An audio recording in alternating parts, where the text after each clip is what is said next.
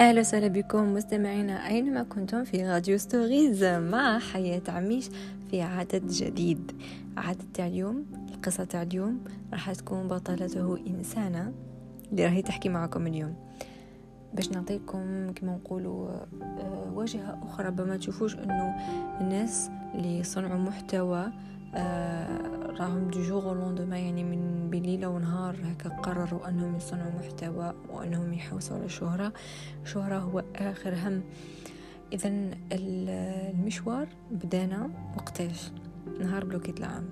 نقدر نقولوا أن القصة تاع اليوم راح تكون تحت عنوان حياة ونقطة التحول صراحة.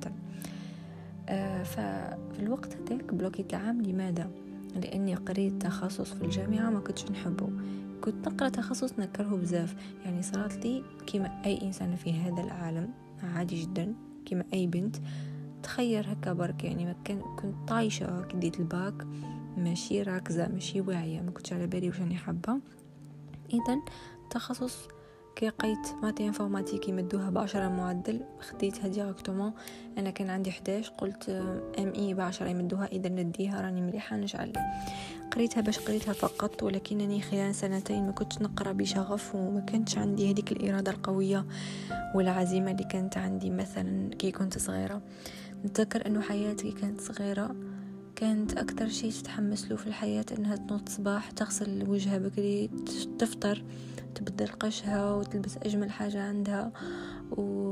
وتسقم الأدوات نتاعها والمحفظة نتاعها وتتأكد من الأقلام نتاعها والكراريس نتاعها وتروح تقرأ باش تلاقي التلاميذ أصدقائها والأساتذة والمعلمين. لكن الشغف في مرحلة البكالوريا حتى آه، حتى الجامعة انعدم. انعدم لأنه سكنني الفراغ.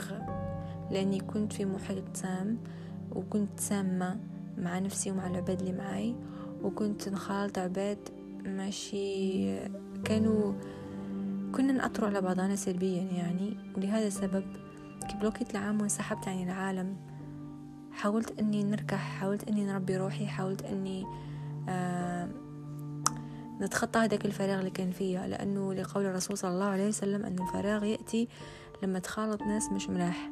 يعني تخالط ناس عندهم ريحة مليحة تولي فيك ريحة مليحة. تخالط ناس ريحة فيهم مش مليحة تولي هكيك نفس الشيء. والفراغ والتخمام ويوليد يولي يولد لك تضيع الوقت عفوا. تولي تضيع حياتك في الفراغات.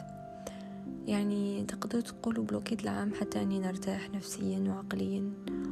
والحمد لله جازت سنة مليئة بالمغامرات والاكتشافات لأني اكتشفت نفسي. كنت كيفاش نقول لكم؟ ما عندي شغف لوالو ماشي مطورة روحي لأنه تعلم لغات وقفت عليه مثلا في الصغر القراءة والكتابة نفس الشيء. نشفى آخر مرة كتبت؟ كنت في السنة الرابعة متوسط من تمام ما كتبت حتى كلمة. ومن بعد تعلمت لغة جديدة خلال السنة هذه. تعلمت الترجمة خدمت كمعلمة آه، خدمت في التجارة تعلمت إني نتعامل مع الناس تعلمت إني أتحدث بدون خجل إني نعبر على نفسي تعلمت إني نتمسك في ربي قبل كلش. تمسكت في ربي أكثر من أي من أي آه، وقت مضى يعني أكثر من أي وقت مضى فعلا. وبعد ذلك بعد ذلك كان لازم أني نقرر حياة وش حابة تديري في حياتك.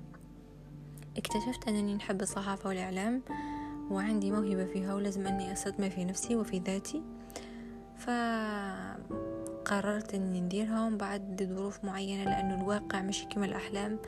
الواقع يقول أنني ما عنديش دبلوم يسمح لي وما عنديش باك يسمح لي نقرأ إعلام. لذلك لازم علي نحقه بطريقة أخرى وبخطة أخرى.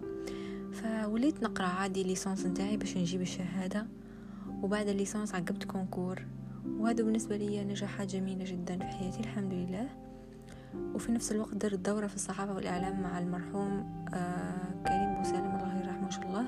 كانت تجربة جميلة جدا لأنها خلتني أذوق ولو لفترة وجيزة ثلاث أيام.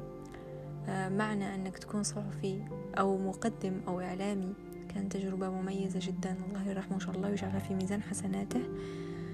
آه بعد ذلك حياة بكل آه بكل روح رياضية. تعلمت تتجاوز تعلمت متخليش الفراغ يسكنها. لأنه الفراغ يقتل الفراغ يدمر الفراغ يدخلك في كآبة الفراغ يخليك تخمم في أتفه التفاهات في هذه الدنيا. والحمد لله على كل حال والأحوال. تعلمنا من الأخطاء نتاعنا كل مرة نجربوا حاجة. آه اليوم وصلنا لمرحلة يعني الإنسان يعيش اللحظة هذا مكان هذا مكان. شوف هذوك هذيك النقطة السوداء تاع تاع التفكير وفراغ كانت سيئة جدا.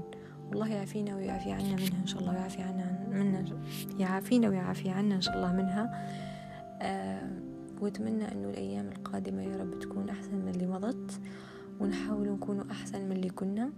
شخصيا كل مرة نحاول نطور في نفسي كل مرة نتهرب من الفراغ كل مرة نحاول أني صح نكتئب ديفوا نقلق ديفوا لأنه من شيطان. ولكن أكثر شيء كالميني حاليا ويهدأ أعصابي هو القرآن. نعم اللي يسمع فيه حاليا إذا تقلق إذا تكره إذا تحس نفسك تعبت توجه لله للدعاء للقرآن لقيام الليل للصلاة في وقتها مثل الفجر. هذه كلها العبادات تريح لك نفسك لأن على نفسك حق إنها عليك حق ولازم عليك تهتم بها مثل ما تهتم بصحتك الجسمية مثل ما تهتم بجمال جسدك ونظافته لازم تهتم بنفسك وروحك وقلبك. تهتم إنك تنظفه ساعد الناس قدم الإعانات أخدم على روحك. أقرأ قرآن وصلي حتى تهدي بالك. هذه هي خلاصة القول. فكانت نقطة تحول جميلة جدا وممنونة لكل ما مررت به. الحمد لله. إذا كانت هكا اليوم حلقة غاديو ستوريز معكم حياة عميش في هذا البودكاست. نقطة التحول اللطيفة والجميلة واللي كان لازم تكون منذ البداية لأنه الحمد لله على نعمة الإسلام. لو منذ البداية تمسكنا في الدين تاعنا الحنيف لما مررنا بهذه الظلمات والحمد لله الإنسان يتعلم من أخطائه والحمد لله دائما وأبدا. دمتم في رعاية الله وحفظه. ما تنساوش تتابعونا في الإنستغرام وإذا عندكم قصة حابين تشاركوها في راديو ستوريز تقدروا تبعتوها تبعتوها لنا عبر الخاص وحنا شاركوها مع حذف أسماءكم وتفاصيل القصة. بقوا على خير.